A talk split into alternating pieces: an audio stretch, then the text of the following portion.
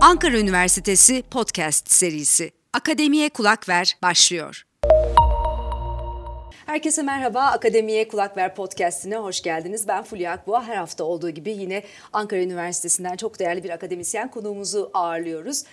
Üniversitemiz Fen Fakültesi Biyoloji Bölümü Botanik Anabilim Dalı öğretim üyesi Profesör Doktor Sayın Ahmet Emre Yaprak hocamız bizimle birlikte. Hocam merhaba, hoş geldiniz. Merhabalar Fulya Hanım, hoş bulduk. Nasılsınız? İyiyim, çok teşekkürler. Siz nasılsınız? Bizler deyiz, çok sağ olun. Bugün aslında hep gündemde olması gereken ama tabii ülkemizin de gündemi e, çok yoğun. Belki e, öncelikler hep farklı oluyor ama dünya içinde önemli bir konudan bahsedeceğiz. Biyoçeşitlilik, Uluslararası Biyoçeşitlilik Günü'ydü 22 Mayıs'ta. Evet. Ondan yola çıkarak sizin de uzmanlık e, alanınız olan Türkiye'de bitki çeşitliliğini konuşacağız ve tehdit altındaki bitki türleri. Bu bitki çeşitliliği veya biyoçeşitlilik neden önemli, hayatımızdaki yeri nedir?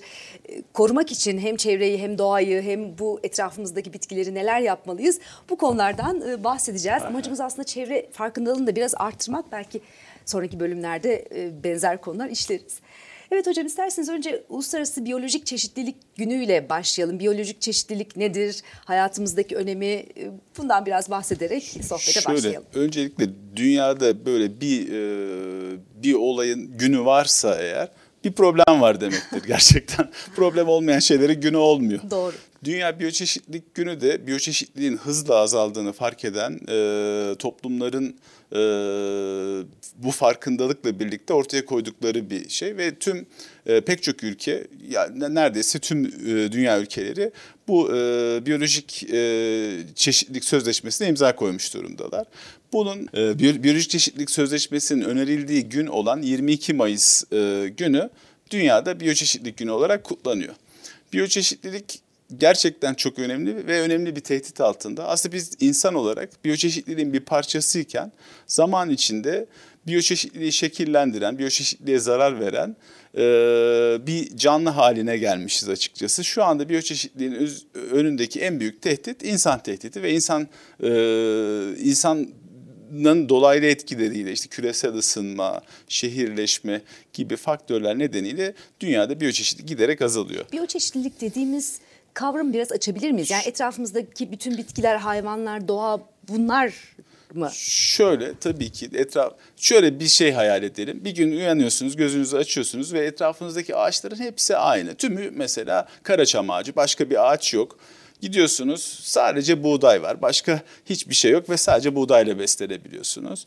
İşte e, bu e, bunların her biri bir biyoçeşitlik unsuru ve dışarı çıktığınızda gördüğünüz işte bir kara hindiba ayrı bir biyoçeşitlik unsuru. Bir gördüğünüz bir sinek, böcek, e, mikroorganizmalar, bakteriler, e, ağaçlar, e, kuşlar, memeliler hepsi hepsi aslında biyoçeşitliğin birer unsuru. Biyoçeşitlilik gerçekten çok zengin. Bu e, yeryüzünün e, jeolojik tarihiyle e, bu çeşitlenerek günümüze kadar gelmiş. Tabii çeşitli yok oluşlar geçirmiş. Yok oluşlardan sonra tekrar e, bir e, türleşmelerle yeni e, pek çok tür e, pek çok tür yeryüzüne gelmiş. Fakat şu anda çok hızlı bir yok oluş içerisindeyiz. Hatta bu döneme antroposen yani insanın hakim olduğu jeolojik devre ismi veriliyor uzmanlar tarafından. Şu an yeryüzünde hangi canlı yaşayıp yaşayamayacağını insanlar kararlaştırıyorlar diyebiliriz. Bazen farkında olarak, bazen farkında olmadan. Çok ciddi bir yok oluş olduğundan e, bahsettim. Tropiklerde sürekli e, ormanlar kesilerek e, tarım alanları açılıyor. Bu ciddi bir problem. Bunun dışında bizim ülkemizde de mesela doğal bozkırlar her geçen gün işte e, maden açımı, maden açımı, tarla açımı, şehirleşme gibi sebeplerle yok oluyor ve bazı türler e, eminiz ki bundan bazı türler henüz keşfedilmeden yok olup gidiyorlar. Gerçekten ne evet. kadar acı aslında. Çok Bunun acı. farkına varmakla belki başlıyor. Ee, insanların e, doğaya ne kadar e, zarar verdiklerinin öncelikle bilincinde olması gerekiyor. Kesinlikle. Şöyle başlayalım mı bir yandan da devam edelim mi hocam? Türkiye bu açıdan çok zengin bildiğim kadarıyla Avrupa'da evet. özellikle florası, faunası, o çeşitlilik biraz rakamlarla da verelim mi? Çünkü evet. geçen Uluslararası Biyoçeşitlilik Günü ile ilgili bir etkinlik düzenlemiştiniz. Uluslararası bir etkinlikti. Orada bir e, hocamız Ankara'daki e, çiçekler, bitkilerle ilgili bazı bilgiler verdi.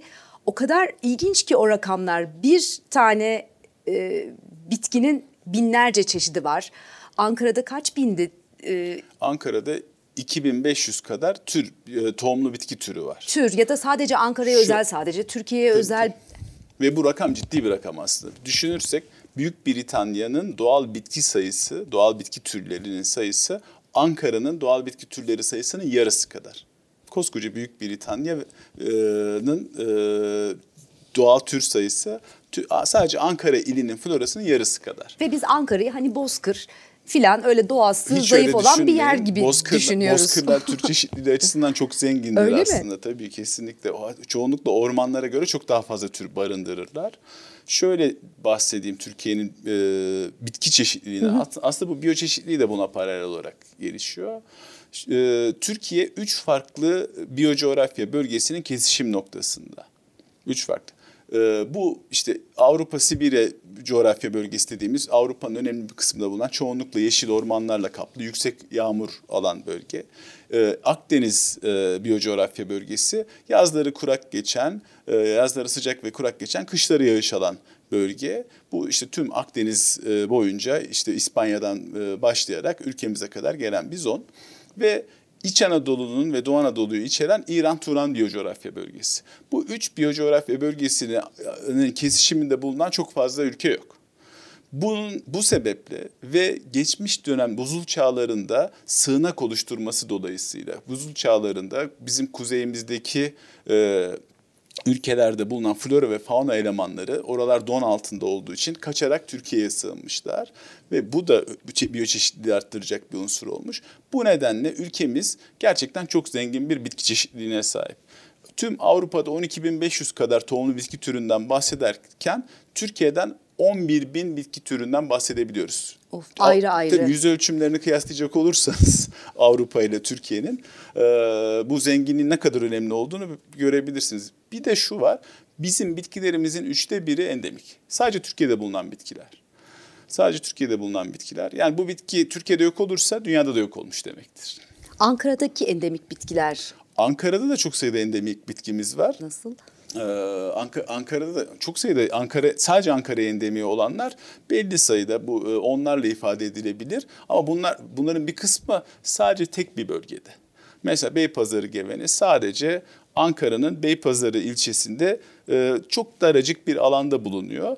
Burada e, bir tehditle karşılanır, karşılaşırsa yok olup gidebilir. Sevgi çiçeği vardı galiba Ankara'ya özgü değil mi? Evet, Gölbaşı'na özgü sevgi çiçeği sadece Gölbaşı Hayman arasında bulunur. Bu başına bir şey Dünyada gelirse başka bir yerde başka yok. hiçbir yerde yok. Ne Çok kadar da ilginç. güzel bir bitkidir. Evet. E peki böyle şehirleşiyoruz, binalar, inşaatlar gerçekten hem yerel yönetimler hem vatandaşlar bu konularda bilinçli mi ya da zarar veriliyor mu bu e, Şöyle, yapıya, bitki örtüsüne? bu bitkileri korumaya adamış hocalarımız var. ee, biriyle siz tanıştınız aslında Mecit Vural Hoca. Evet. Emekli olduktan sonra tam tüm zamanını bu işe ayırıyor. Gidiyor yetkilileri gidiyor burada şu bitki var e, bu bitki e, korunmalı mutlaka diyor. İşte tel altın telle çevrilmesini sağlıyor. Hep beraber biz de diğer botanikçiler destek veriyoruz bu tür çalışmalara. Gidiyoruz bazı bitkiler vatandaşın tarlasında. Yarın sürse gider. Farkında ee, bile değil tabii belki. Gidiyoruz ikna etmeye çalışıyoruz. Bakın diyoruz bu gerçekten çok değerli. Dünya için önemli bir değer. İşte bazen onore ediyoruz o vatandaşları. Plaketler veriyoruz. İşte bir toplantılar düzenliyoruz.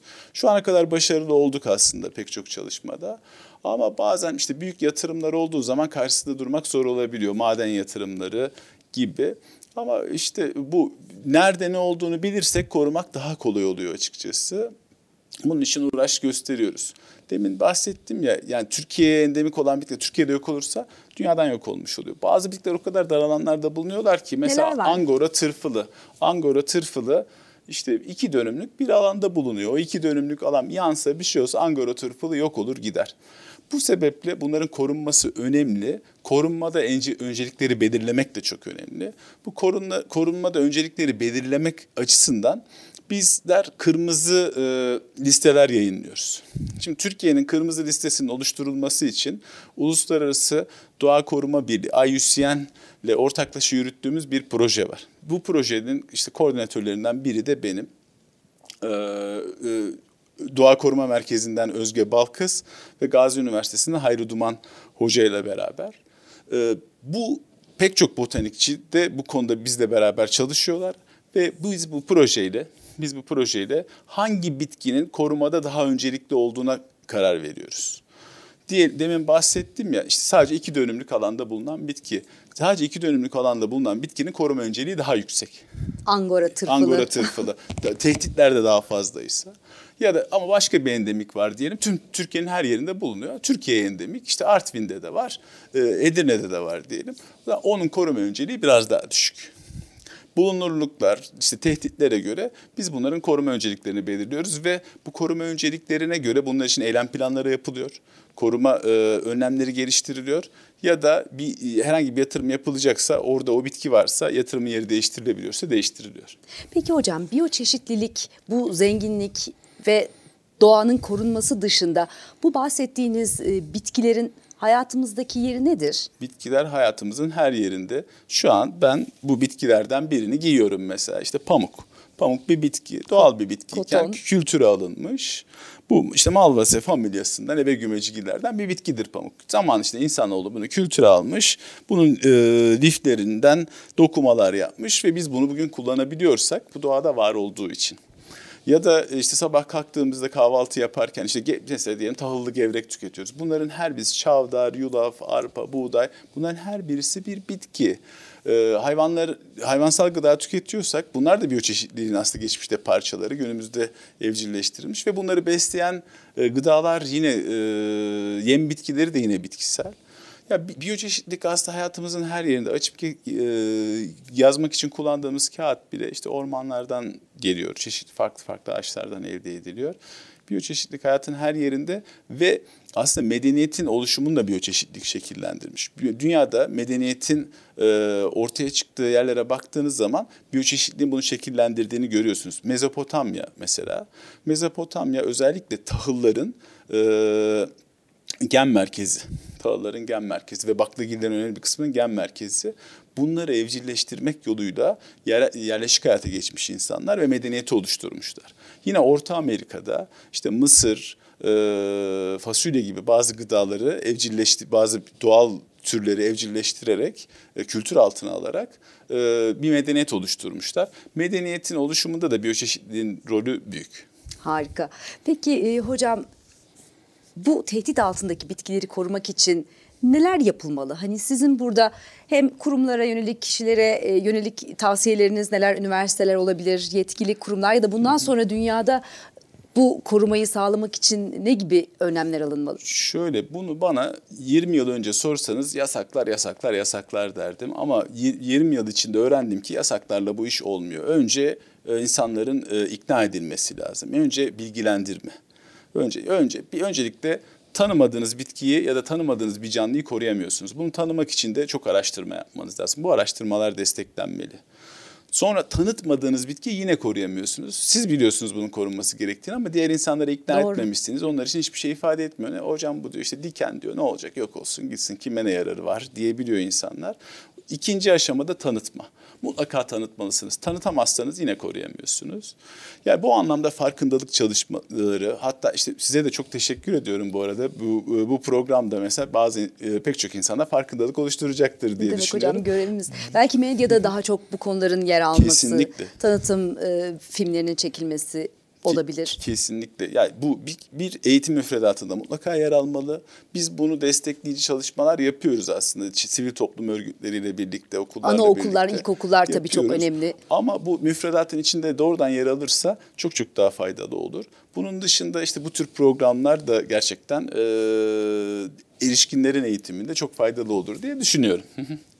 Bizim peki ulaşabileceğimiz internet siteleri var mı daha fazla bu konuda bilgi sahibi olmak için? Dediniz ya kırmızı noktalı Türkiye, bitkiler miydi? E, e, Türkiye Bitkileri Kırmızı e, kitabını oluşturuyoruz. Bu ya çeşitli kaynaklar var. Aslında bizim bitkiler, e, bizim bitkiler diye bir web sayfamız var. Burada Türkiye bitkileriyle ilgili bilgi bulabilirsiniz. Bu aynı zamanda Türkiye Florası projesinin de web, web sayfasıdır. Cumhurbaşkanlığı desteğiyle biz Türkiye'deki tüm botanikçiler bir araya geldik. Türkçe güncel Türkiye Florası hazırlıyoruz. Biz yani mevcut günüm mevcut Türkiye Florası en son cildini işte 90'larda basılarak İngilizce dilinde hazırlanmış bir floradır. Bu günden bugüne kadar tabii değişiklikler oldu. Biz de resimli çok dünyanın önemli res, bitki ressamları Türkiye'de. Çok ciddi bitki ressamlarımız var bizim. Onlardan da faydalanarak resimli çizimlerle birlikte Türkçe Türkiye florası oluşturalım istedik. Cumhurbaşkanlığının desteğiyle bu projeyi devam ettiriyoruz. Şu ana kadar ilk üç cildi e, oluşturduk. E, diğer ciltleri de yakın zamanda bitirerek halkın hizmetine sunacağız. Bu Türkçe olmasının şöyle bir avantajı var. Sadece uzmanlar değil, halktan insanlar da bitki buldukları bir bitki örneğinin hangi tür olduğunu teşhis edebilecekler. Çok çok önemli. Kesinlikle. Gerçekten bizim bitkiler ziyaret edelim. Etrafımızda görüyoruz çiçeklerin işte e, isimleri, ağaçlar, e, bunları merak ediyoruz hakikaten. Çok beğeniyoruz bir ağacı mesela. Bu neymiş acaba? Şimdi e, Google Lens var biliyorsunuz. Evet. O da e, güzel bir uygulama oldu. Fotoğrafını çekiyorsunuz direkt olarak adı çıkıyor menşei e, filan. İlk başta çıktığında bizi işsiz bırakır mı diye korkmuştu. Ama gerçekten güzel. Gerçekten Bunun belki iyi. Türkiye ile ilgili bir uygulaması falan yapılabilir. Çok teşekkürler. Çok değerli bilgiler verdiniz. Bundan sonra da çalışmalarınızda kolaylıklar diliyoruz. Ben teşekkür ediyorum bu fırsatı verdiğiniz için. Profesör Doktor Ahmet Emre Yaprak konuğumuzdu. Akademiye kulak ver. Bu haftalıkta bu kadar. Önümüzdeki hafta tekrar görüşmek dileğiyle. Şimdilik hoşçakalın.